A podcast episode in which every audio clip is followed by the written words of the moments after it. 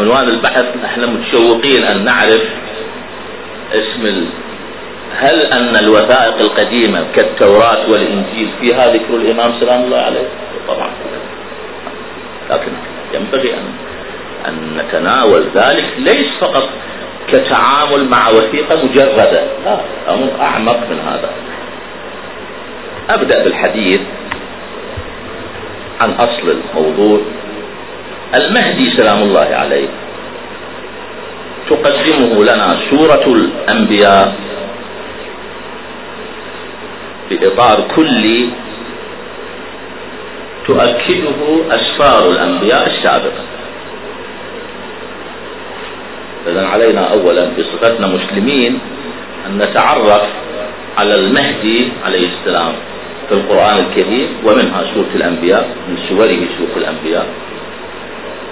وبعد ذلك نتعرف على ما يؤيد هذه الصورة من الوثائق الأخرى.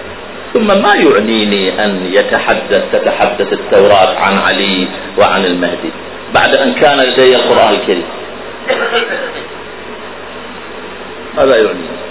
ما الهدف منهم هل حتى ازداد إيمان؟ كلا أبدا. أبدا. ليس هذا هو المقصود. إذا كان هذا هو المقصود فخلاص لأصحح إيماني ويقيني. القرآن هذه الوثيقة الأساسية التي تضع حد فاصل بين عهدين في الوثائق النبوية. وهكذا بعد وضوح أثر أهل البيت عليهم السلام في المجتمع أنهم مؤيدون إلهيا. بعد أن قتل الحسين عليه السلام واستؤصل استؤصل من على وجه الأرض وما بقي ما أبقوا إلا ولد له مريض أقعده المرض. استؤصل وإذا به يرجع مرة أخرى. يزيد حينما قتل الحسين عليه السلام كان عنده 15 ولد. ويملك الشرق والغرب. والحسين عليه السلام يستأصل تهدم أو, أو, أو تحاصر دوره في المدينة لا شيء يملك إلا نسوة سبايا ومريض. لنفسه ماذا أعطى الله تعالى الحسين بعد هذه المشاهد ما أحتاج إلى التوراة والإنجيل لأعرف لأعرف عن الحسين عليه السلام وأعرف عن علي وأعرف عن المهدي بعد وضوح هذه الحقيقة. ولكن هي النفس تحتاج ولأهداف أخرى.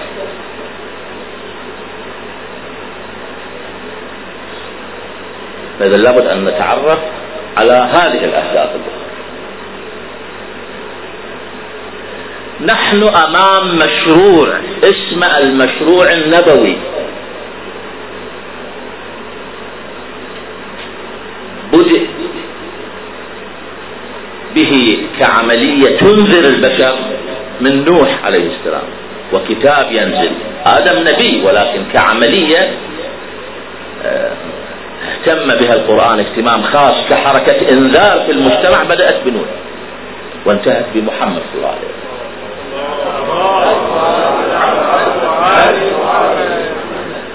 ثم محمد صلى الله عليه وآله يحمل مشروعه من بعده اثنا عشر وصية. المهدي آخره والحلقة الأخيرة. أولا أنا ينبغي أن أعرف هذا المشروع النبوي. نظريته العامة ومعطياته في الساحة البشرية.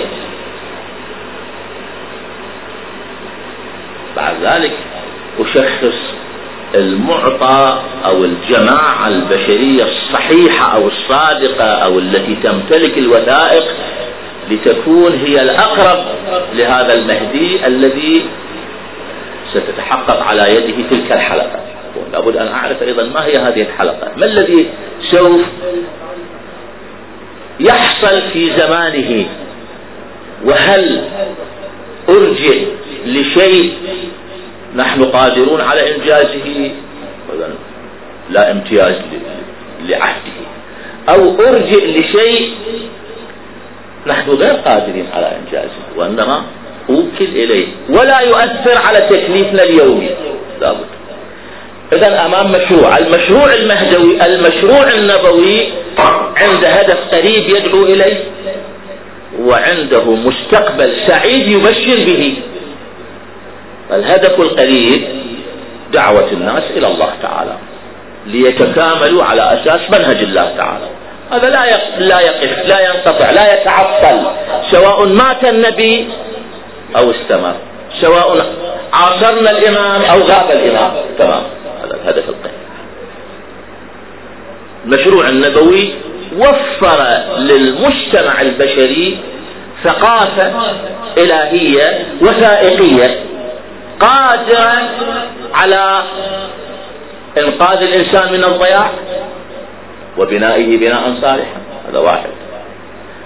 تأسيس أمة قادرة على تأسيس أمة حية تستطيع أن تسع في داخلها أمم وجماعات وليس تبقى حكرا أو تبقى آه، محصورة في ضمن جماعة محدودة.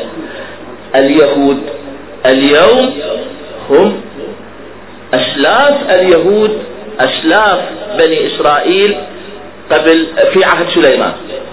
في عهد سليمان المشروع النبوي يشع للدنيا لكن اليوم هؤلاء فئة محدودة لا تملك أن تستقبل شخصا يضاف إليها.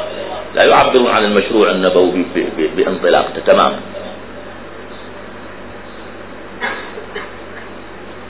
وأيضا قادرة على بناء دولة دستورية ثقافة قادرة دولة دستورية عادل تحقق العدل والكرامة للمجتمع. هذا بحث وهذا بحوث. ينبغي لمن يحمل المشروع المهدوي أن يفهم الإطار العام حتى فيما بعد يتحرك للساحة التفصيلية للمشروع في ضوء هذا. ما هو الهدف؟ ما هو المستقبل البعيد الذي تبشر به يبشر به مشروع الأنبياء. المستقبل هو أن يعم أن توجد دولة تسع الأرض كلها. دولة دستورية عادلة تسع الأرض كلها. على منهج هذا المشروع. هذا إلى هنا مو كافي.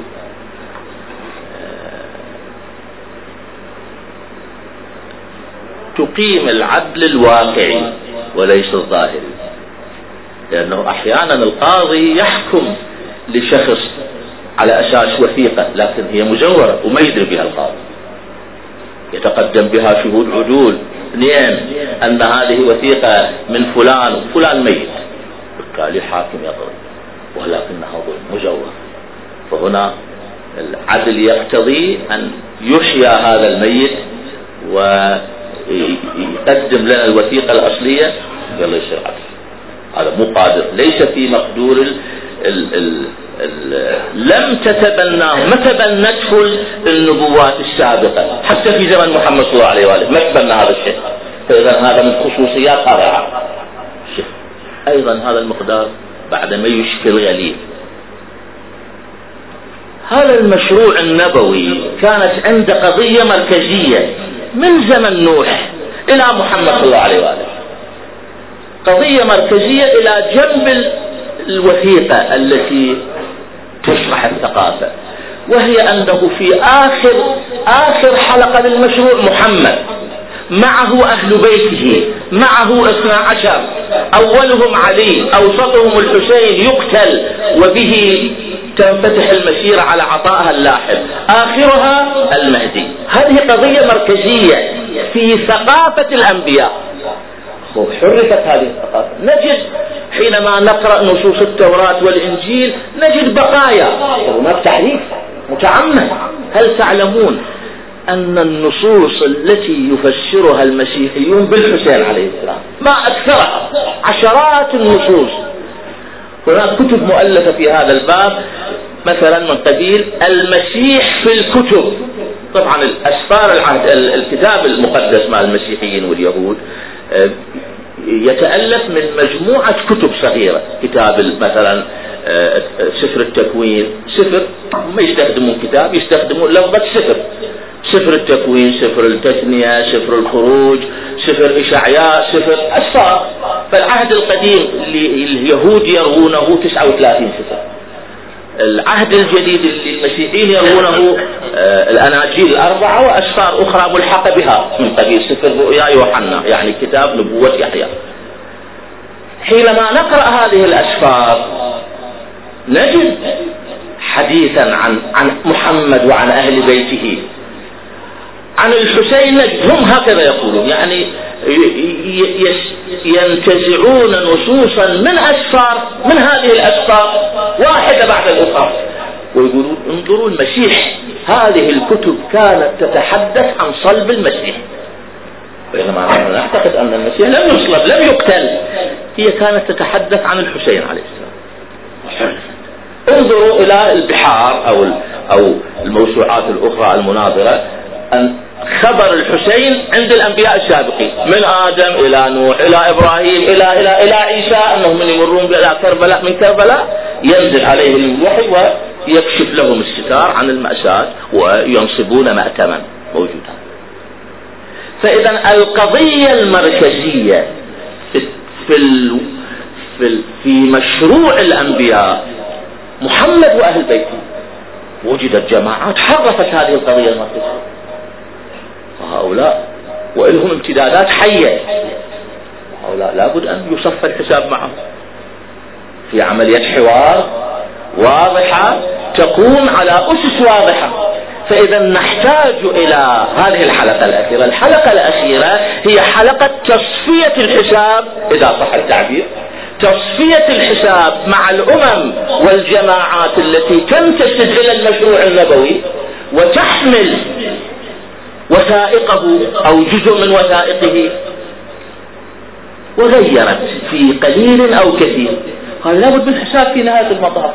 ولا يقتصر الحساب على يوم اليوم يوم القيامة. يحشرهم الله تعالى جميعا. لا هناك يوم في آخر الزمان يحشر. ويوم نحشر نحشر من كل أمة فوجا هذا بحث الرجعة اللي هو ليس كما يذكر بعض العلماء يذكر أنه ليس من من الأصول الأساسية للمذهب ولكن هو من من الأفكار الأساسية التي تكتمل بها الصورة. فإذا هذا العهد تبشر به الأنبياء. تبشر بعهد أخير أن حركة الأنبياء لا تتحرك إلى لا نتيجة لا تتحرك إلى نتيجة. تلتقي هذه النتيجة تلتقي طبعا الناس حينما يؤمنون بالمشروع النبوي ويرتضون لأنفسهم أن, أن تقام حياتهم الاجتماعية والسياسية على أساس وثيقته آه، قد تحاصرهم جماعات أخرى. وهي الحركة مستمرة تماما مفتوحة.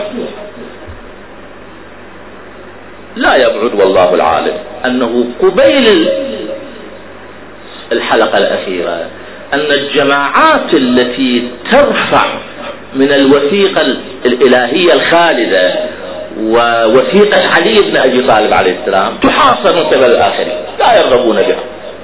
لا يرغبون بها. ليس لأنها لا تملك الوثائق وإنما جهلا تحاصر. تحاصر حصارا يحتاج فكه إلى منقذ إلهي. من الممكن هذا يعني هذا لا ينافي أنك في بلد تعيش الأمان لكن إذا حصرت اقتصاديا من قبل الآخرين ماذا تصنع؟ مختار قام حوصر من قبل الدول من قبل ابن الزبير ومن قبل عبد الملك بن مروان وخنك. من الممكن أنه في, في آخر الزمان أن الجماعات المؤمنة بالمهدي سلام الله عليه بالخط الصحيح قد تتعرض إلى محاصرة. هذه المحاصرة قد تودي بها تماما. فيشاء الله تعالى أن يوقت ظهور الإمام سلام الله عليه المؤيد إلهيا لتحقيق عهد أوسع من هذا. يقترب هو يفك الحصار عنهم ثم يخوض معركة مع قوى الشر ليستأصل هذه القوى من على الساحة. ويقيم دولة دستورية ينعم بعدلها كل الفئات لكن يخوض بعد ذلك حوار على أسس جديدة على على الوثائق الوثائق الواقعية تقديم الوثائق الواقعية. من قبيل من يصير الحوار بين المذاهب الإسلامية. والشيعة يقولون؟ إحنا مذهبنا إحنا رسائلنا العملية منتزعة من الصحيفة الجامعة التي كتبها علي عليه السلام بإملاء النبي. وماكو أوثق من هذا. الآخر يقولون كذب والمهدي عليه السلام يظهر الصحيفة الجامعة بيده. ويجون يعترضون. عليه يقولون من أدرانا أن هذه هذا خط علي. صحيح. هذا الذي تقول. ونحن آه، لا نكذبك ولكن من أدرانا؟ فما راح ينقطع الحوار. وما راح تكون القضية قضية آه، محسومة بشكل خاص. بشكل حسي فهنا يأتي تأتي الحاجة إلى إحياء الشاهد التاريخي الذي كتب الوثيقة في عملية فإذا عهد تحاكم فيه العقائد والمذاهب على أساس الوثائق الواقعية والشهود التاريخيين الذين يحتاج إلى إحيائهم أنت تقدم هذا التصور لإنسان عادي قد يصير أمامك مئة مشكلة. يقول لك تعال اثبت لي أن الحسن العسكري توفي عن ولد. إلى اليوم معركتنا. أنه الغالبية من جمهور الجمهور يقولون الحسن العسكري توفي لا عن ولد. وعلماء الشيعة في عصر الغيبة الصغرى ابتكروا وانتحلوا ولد للحسن العسكري. وإحنا نرد عليهم بالأدلة يقول أنه تعتقدون وأن هذا غاب سلام الله عليه غاب وأنه حي إلى اليوم. تعال اثبت ذلك. انه تعال تضيف شغلة أخرى أنه يحيي الموتى. تعقيد للموضوع. إحنا نقول لا ما بكو تعقيد. الوثيقة الأم القرآن الكريم آه، ومعتقد المسلمين بشكل عام حللنا هذه المسألة. قال ويا المهدي أكو عيسى بن مريم. وعيسى بن مريم يحيي موتى فإذا إذا رأس هذه الدولة المهدي عليه السلام وراد يخوض هذه ال ال ال المهمة ويحتاج إلى إحياء شهود تاريخيين. تعال يا روح الله. تعال هذا علي بن أبي طالب عليه السلام. حين يا حتى يقعد يكتب أمام الناس آه، الخط اللي يطابق راح يكتبها كتابة سريعة مو كتابة حرف حرف حيبين أن هذا علي. وهنا طبعا تتحقق أمرين في آن واحد. الأمر الأول أن الخطيب البغدادي يقول أن هذا مو قبر علي بن أبي طالب. هذا قبر المغيرة بن شعبة. وقد كرس ترجمته لعلي عليه السلام في تاريخ بغداد لتحقيق هذا الهدف. ولذلك تهم بالنصب في الحقيقة فاحنا محتاجين للعالم أن يظهر يظهر علي من هذه البقعة سلام فهنا ما نحتاج بعد إلى نعم إحنا نعتقد أن المهدي عندنا ما عند عيسى لكن لا نحتاج أن أن نطرح هذا ونفتح أبواب أخرى. فإذا هذا المستقبل قضية موضوعية ومشخصة واضحة تحبها النفوس تتوق إليها. كل إنسان معتقد يرغب في يوم آه، على الساحة الأرضية على الأرض وليس في الآخرة على الأرض. يريد أن أن يرى الحق واضحا والحق عزيزا وماكو أعز من أن من أن تحيا يحيى الشهود التاريخيين ويتحدثون عن عن الوثائق الأصلية. وهنا ينكس أهل الباطل رؤوسهم. فإذا هذا الحدث هذا المستقبل ليس لأجل كسب مؤمنين جدد لا. مثل يوم القيامة فالشيء مصغر عن يوم القيامة. فصار عندنا إذا هدف قريب فيه قدرة يومية إذا البشرية تحب تغير حياتها بسرعة. إنسان ضال ضائع يحب أن يبدأ عهد جديد ماكو باللحظة ينتمي ويتعلم. أمة تريد أن تغير ما بها من سوء بسرعة. تصير عزيزة وتلتجئ إلى علمائها وتنقاد إلى كلمتهم تصير عزيزة. هذا العز الذي الذي قطفه الشعب العراقي. 100 سنة من علماء الأمة. ما في مجال هذا. وهكذا. دولة كريمة. ناس يريدون أن يحيون في ظل وثيقة دستورية تضمن العدل. وأيضا في ظل منهج يضمن أن هذا من يجي للموقع لا يخون. مو فقط وثيقة دستورية. كذلك. هذا هذا هدف هذا نسميه هدف قريب تؤتي أكلها كل حين. إذا الإنسان استجاب. وهناك هدف هناك مستقبل بعيد. هذا نتحرك نتطلع نحوه. نتطلع حتى إذا أكو عندنا نوع من الضجر والسام وتدلهم الخطوب وتسود أمامنا الصورة. ونقول إحنا إذا متنا أكو هذا الشيء راح يتحقق. يتحقق. طبعا هناك سنن يعني هناك النظرية واضحة في القرآن الكريم بسننها التاريخية وبمفرداتها التي تجعل من عنده موضوع علمي. وأنا أقترح أن يصير درس في الحوزة العلمية شيء اسمه السنن التاريخية. سنن اللي أثارها الشهيد الصدر رحمة الله عليه حينما تحرك أثار هذا الموضوع أثاره قبله آخرون. ولكن نحن نعلم أن المدرسة مدرسة أهل البيت حينما تثير هذا الموضوع تقدمه علما وتقدم شواهده المتينة. الحوزة العلمية ينبغي أن تنفتح على هذا النوع من العلم فتبحث فلسفة التاريخ وحدة من دروسها بالإضافة إلى إلى درس نقد الوثائق التاريخية من أجل كشف المعلومات الزائفة التي أثرت في المجتمع. إذا في ظل هذا الجو نحتاج أن نتحدث. يعني في ظل هذا الهدف أو هذه الرؤية العامة للمشروع النبوي نحتاج بعد ذلك إلى حديث آخر نشخص معطيات هذا المشروع على الأرض. عندنا يهود عندنا مسيحيين عندنا شيعة عندنا سنة عندنا صبة. خلينا نشوف ساحة, ساحة هؤلاء. نحتاج أن ندرس الوثائق التي خلفها هذا المشروع. حتى ندرس نظرية المشروع من خلال الوثائق. عندنا القرآن الكريم عندنا كتب الحديث برواية برواية شفوية بعد 100 سنة كتبت. وعندنا كتب الحديث برواية مدونة بإملاء النبي صلى الله عليه وآله وخط عليه امتياز وهكذا عندنا التوراة. السامرية التوراة العبرية عندنا التلمود البابلي عندنا التلمود الأورشليمي عندنا الوثائق المسمارية هي كلها مخلفات كلها وثائق للمشروع النبوي. وشنو أدخلنا الآن وثائق مسمارية؟ هاي شو الهدف؟ ليش الوثيقة التي تحدثت لك عن عن سفينة الطوفان وتحدثت لك عن عن مكان هذه السفينة؟ هذا وحدة من الوثائق. تمام؟ صحيح الوثيقة بأصلها لا توجد لكن هذه بقايا. ثم راح تدرس تطور حركة الإنسان وحركة الجماعة التي تحمل المشروع حتى تضع إصبعك على الجماعة الأنضج. فحينما تكتشف أن الجماعة سين هي جماعة أهل البيت هم شيعة أهل البيت يمتلكون الكتاب الخالد يعني الكتاب الإلهي ويثبتون أنه هو الوثيقة الأم السليمة من التحريف. والداخل هم وأيضا يضيفون البيان النبوي الذي كتبه علي بخطه. أم يثبتون ذلك؟ قال من بين المسلمين راح يفوزون لأنهم الجماعة الأكثر وثائقية. وراح يفوزون أمام اليهود وأمام المسيحيين وأمام أي جهة أخرى.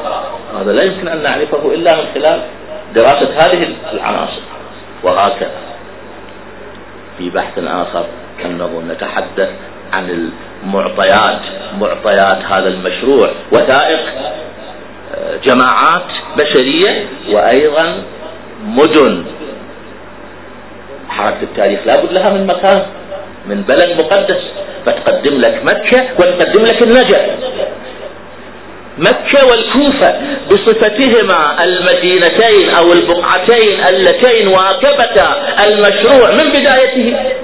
فتحملان ذكرياته التاريخية القابلة للدراسة وللقياس وأيضا تحملان أو توميان تشيران إلى النهاية المشرقة التي يبشر بها الخاتمة السعيدة التي يبشر بها المشروع ككل.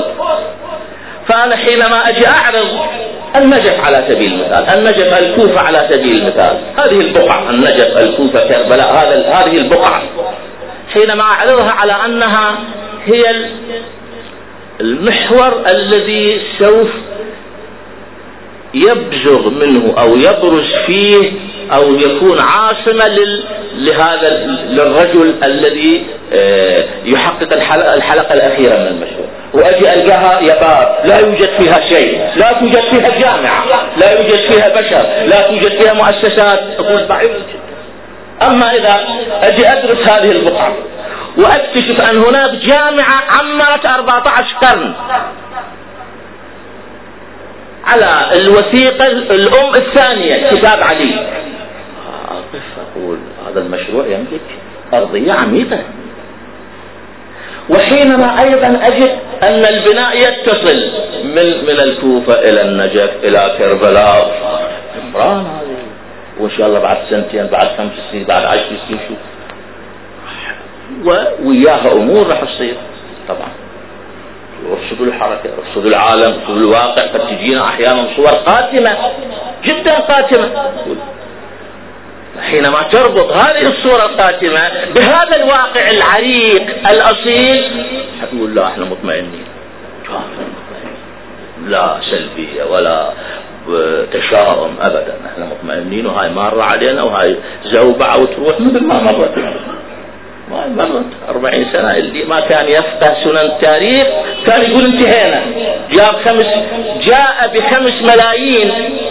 مصري حتى يذوب الكثافة انتهت هذه راح في ذاك الوقت قلنا انتهينا. علماء مراجع النجف مرت عليها أيام خصوصا أيام القصف الذي حصل. هذا القصف الذي نال هذه البلدة الطيبة. لو الإنسان كان يفكر من هذا الواقع يقول انتهينا. انتهى كل شيء. أما إذا عنده صورة واضحة لا راح يقول هذه زوبعة تنتهي.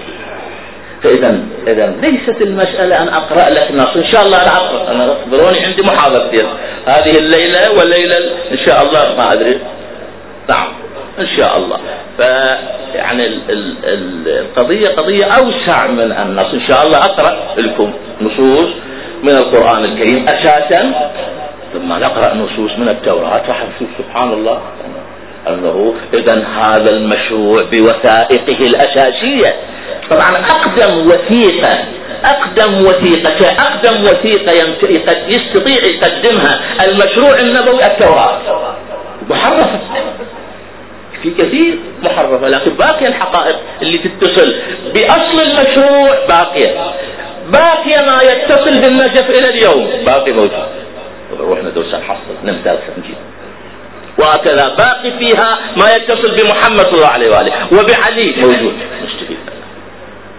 أقدم وثيقة وأحدث وثيقة هي القرآن الكريم. نستفيد من ذلك أأكد وأقول أن الهدف من البحث ليس حتى يطمئن قلبنا بأن المهدي مذكور أو إيماننا بالمهدي وأن القضية أوسع من ذلك. القضية قضية آه، تكوين تصور شامل. آه، عن حركة الأنبياء لنكتشف أو لنعرف بعدها أن المهدي سلام الله عليه يشكل الحلقة النهائية في هذا المشروع وبالتالي راح نقبل أن الأنبياء بشرت بالمهدي سلام الله عليه. راح يقبل الآخرون أن فعلا الأنبياء بشرت لأنه هو مشروع واحد وليس ليست قضايا مجزأة. بهذا المقدار أكتفي آه، من الحديث وأسأل الله تعالى أن, أن يوفق الأخوة القائمين على هذه المؤسسة. جزاهم الله خير الجزاء. مؤسسة برعاية المرجعية الرشيدة لتعقد مثل هذه المحاضرات وتضع الباحث وجها لوجه أمام محبي وشيعة علي سلام الله عليه من أجل أن يزدادوا إيمانا ويزدادوا أفقا آه، وسعة في هذا المجال. والحمد لله رب العالمين والصلاة والسلام على أشرف الأنبياء والمرسلين.